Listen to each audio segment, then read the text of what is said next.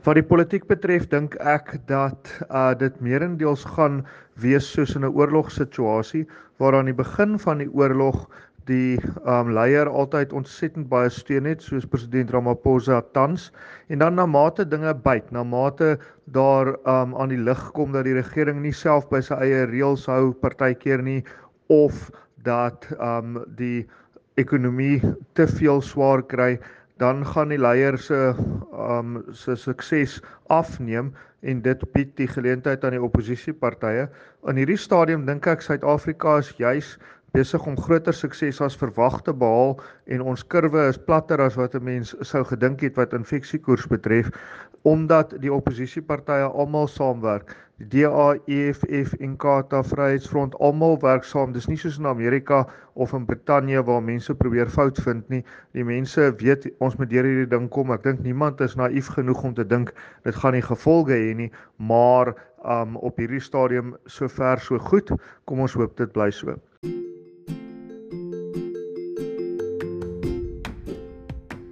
Jy luister na Nuuspot, die tuiste vir Afrikaanse stories agter die nuus. In die advertensie gleef. Marike se sprokie deur Tosca de Villiers is 'n liefdesroman wat jou laat vergeet van virusse, inperkings en 'n kwynende ekonomie en jou wegvoer na 'n wêreld van liefde, hoop en gelukkige eindes. Dit vertel die verhaal van Marike wat haar hart op die aantreklike Dr Leon Bosse verloor. Gaan die twee bymekaar uitkom Jy kan die boek tot einde Mei gratis op Kindle Unlimited lees om uit te vind. Terug na ons program.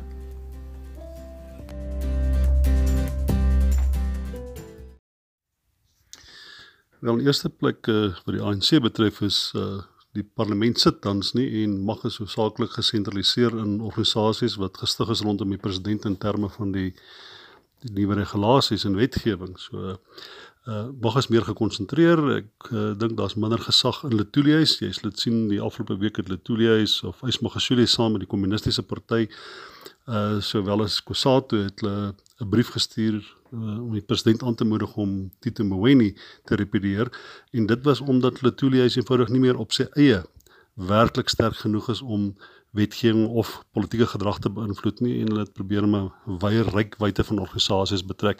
So dit sê vir iets wat die wat die situasie is wat betref Letulies. Uh en dit sê ek vir iets van waar mag tans gesetel is binne in die in die binne in die ANC. Dit gaan om die president en dit gaan om uh sy vermoë om bepaalde ministers te identifiseer wat uh dit moontlik vir hom maak om uitvoering te gee uh aan hierdie redelike radikale intervensie wat betref die verhouding tussen die staat en die burgery wat uh, oppositiepartye betref. Dit lyk my die DA sit met dieselfde probleem uh wat die meeste liberaal demokratiese state oral in die wêreld is en dit is dat uh, hulle het nie die vermoë, het nie die staat, het nie die effektiewe staat om werklik die burgery in 'n drukgang in te forceer onder kondisies soos hierdie wanneer dit noodsaaklik raak nie. Uh, hulle het nie 'n autoritaire vermoë nie. Daar's eenvoudig te veel vryhede in die samelewing. Die burgery uh 'n normale verhouding met die staat is 'n afstandsgebaseerde een. Uh vir die uh, DA, die Demokratiese Alliansie in Suid-Afrika, maak altyd die of hulle maak die punt waarskynlik nou sterker as ooit tevore dat daarom trend as dit waarom trend 'n wesige staat moet wees, 'n klein staat, dat die burgery totaal onafhanklik moet voortbestaan uh van die funksionering van die staat en dat die staat net moet reguleer indien dit absoluut noodsaaklik is om konflikte besleg of om as jy maar monopolie op te breek. Maar ons het nou gesien dat dit lei daai idee van 'n verswakkende staat uh maak dit geweldig moeilik om onder kondisies van krisis werklik effektief te bestuur.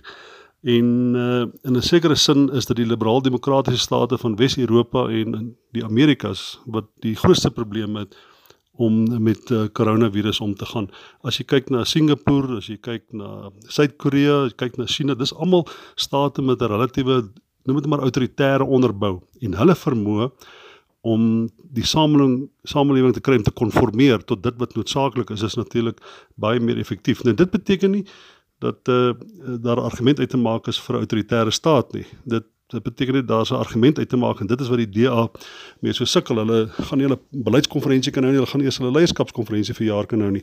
Wanneer hulle moet die rol en die funksie van die staat verduidelik, het hulle omdat hulle gefikseer is op 'n korrupte staat het hulle die geneigtheid om te argumenteer daarom is daar geen staat nodig of 'n afwesige staat of 'n beperkte staat uh, of 'n regulatoriese staat en ons sien reeds dat ons tipe samelewing uh het eintlik 'n tipe van 'n bietjie meer van 'n autoritaire staat nodig. Autoritair in die sin van 'n geweldige sterk staat, uh een wat behoorlik funksioneer en met regulasies kan forceer en dit kan afdwing.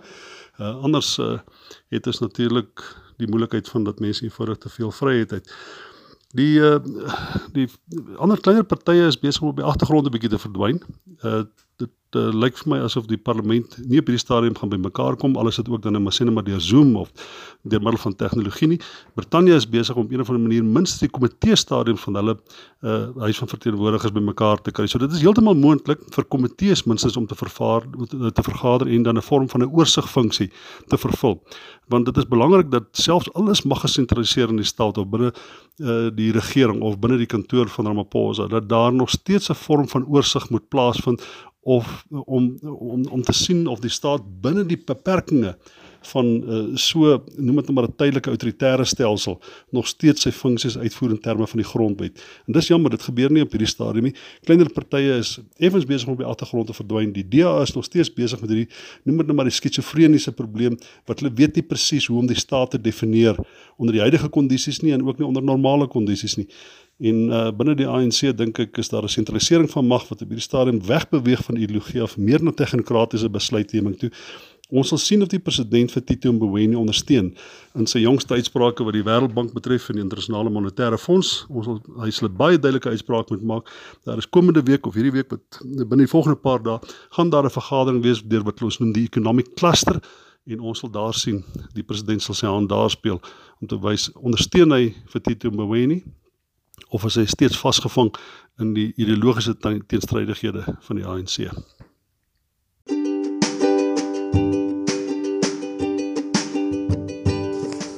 Jy luister na Nuuspot, die tuiste vir Afrikaanse stories agter die nuus. In hierdie advertensie gleef: Jou soek tog na vetplante is verby by Rita se Vetties in Kreersdorp, waar jy groot verskeidenheid vetplante soos alwyn, beeskloukie, beestongblaar en perdtand kan kry. Sy lever ook af per koerier. Besoek Rita se Vetties op Facebook vir meer besonderhede of bel haar by 082 342 9119. Terug na ons story.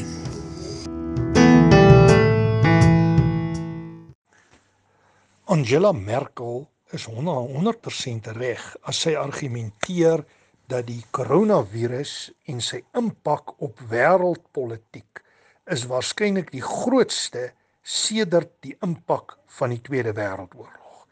Die vraag is egter hoe raak dit Suid-Afrika en in besonder die partytetiese omgewing en die verbandhoudende politieke dinamikas.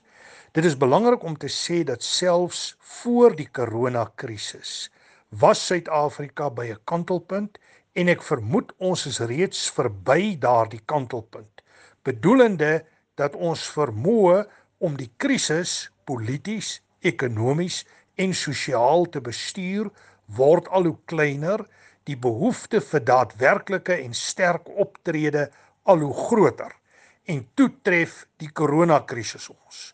Wat op die oomblik gebeur is dat die Suid-Afrikaanse politiek staan in 'n fase van hibernering. Dinge het tot stilstand gekom, die media, die sosiale gesprek selfs die ekonomiese en politieke gesprekke word gerig deur corona en wat alles uit hom uit na vore tree, die dinamikas, die verwagtinge, die scenario's.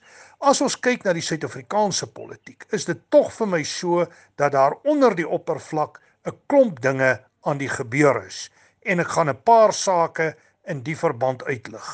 Wat die ANC aanbetref, is dit vir my baie duidelik dat uh, meneer Ramaphosa die geleentheid, die tyd wat gekoop is, baie goed gebruik om sy eie posisie te konsolideer en te verbeter.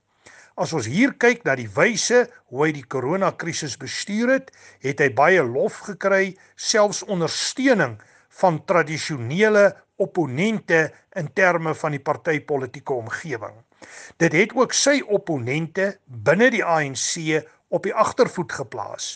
Dink maar net hoe laag is die profiel van populiste soos Ismagashule, David Mabuza, Lindiwe Sisulu en 'n klomp ander. Dit lyk eerder asof die Ramaphosa tegnokrate en sekurokrate besig is om sterker na vore te tree.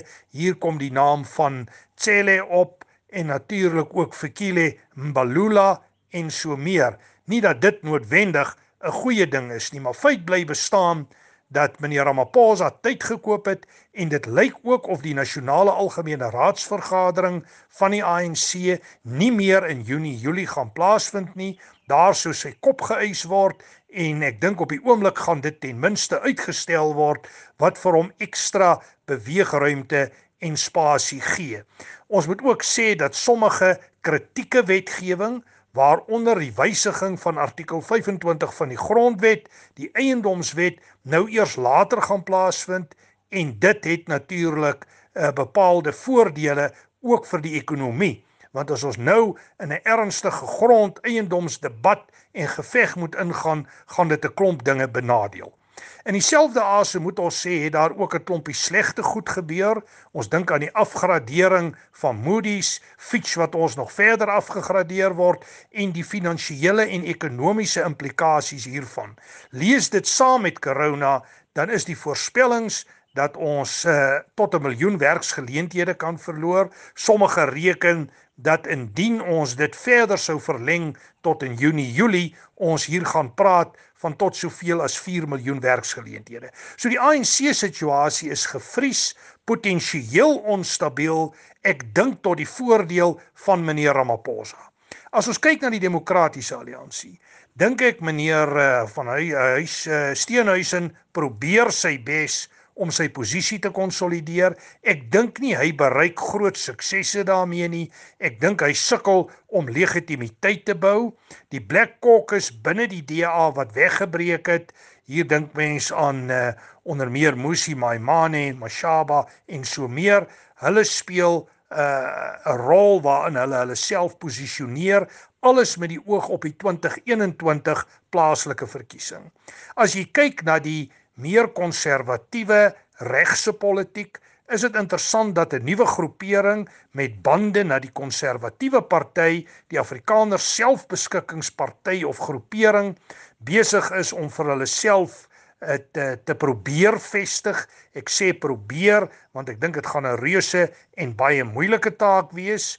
Die Vryheidsfront Plus kapitaliseer op die situasie in terme van sy tradisionele constituency en is redelik aktief en ook krities op die regering in die verband.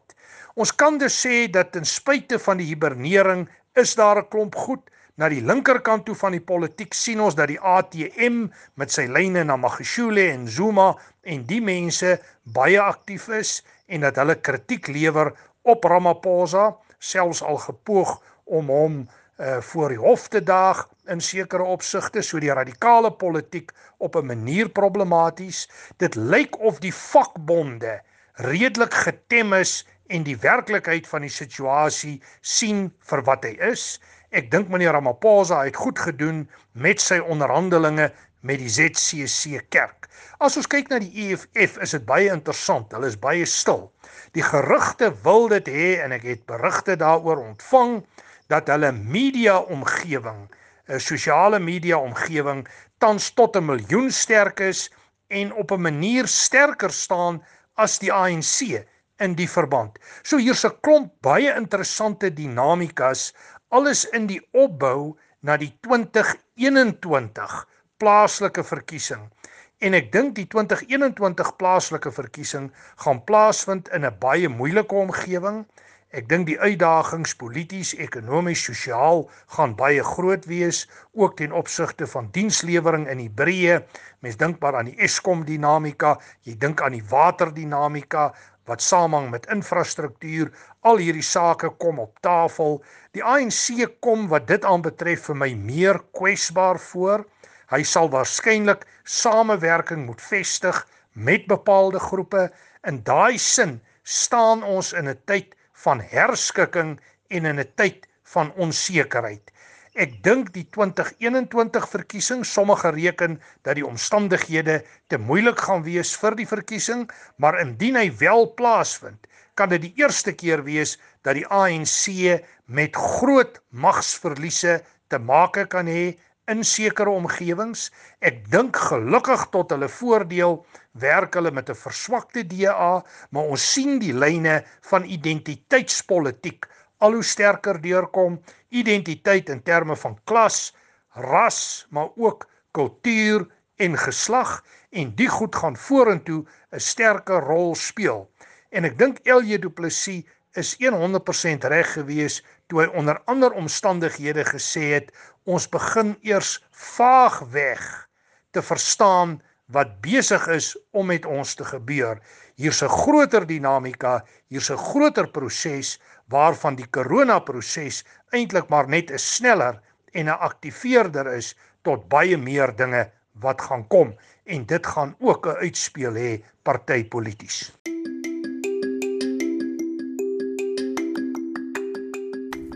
Jy luister na Nuuspot, die tuiste vir Afrikaanse stories agter die nuus. In hierdie advertensie gleef: Fox Firelighters steek enige vuur onmiddellik aan die brand, elke keer. Wees op die uitkyk vir Fox Firelighters by kettingwinkels, kafees en geriefswinkels of besoek hulle webwerf by foxfireproducts.co.za. Fox Firelighters, dit brand onmiddellik, elke keer. Terug na ons storie.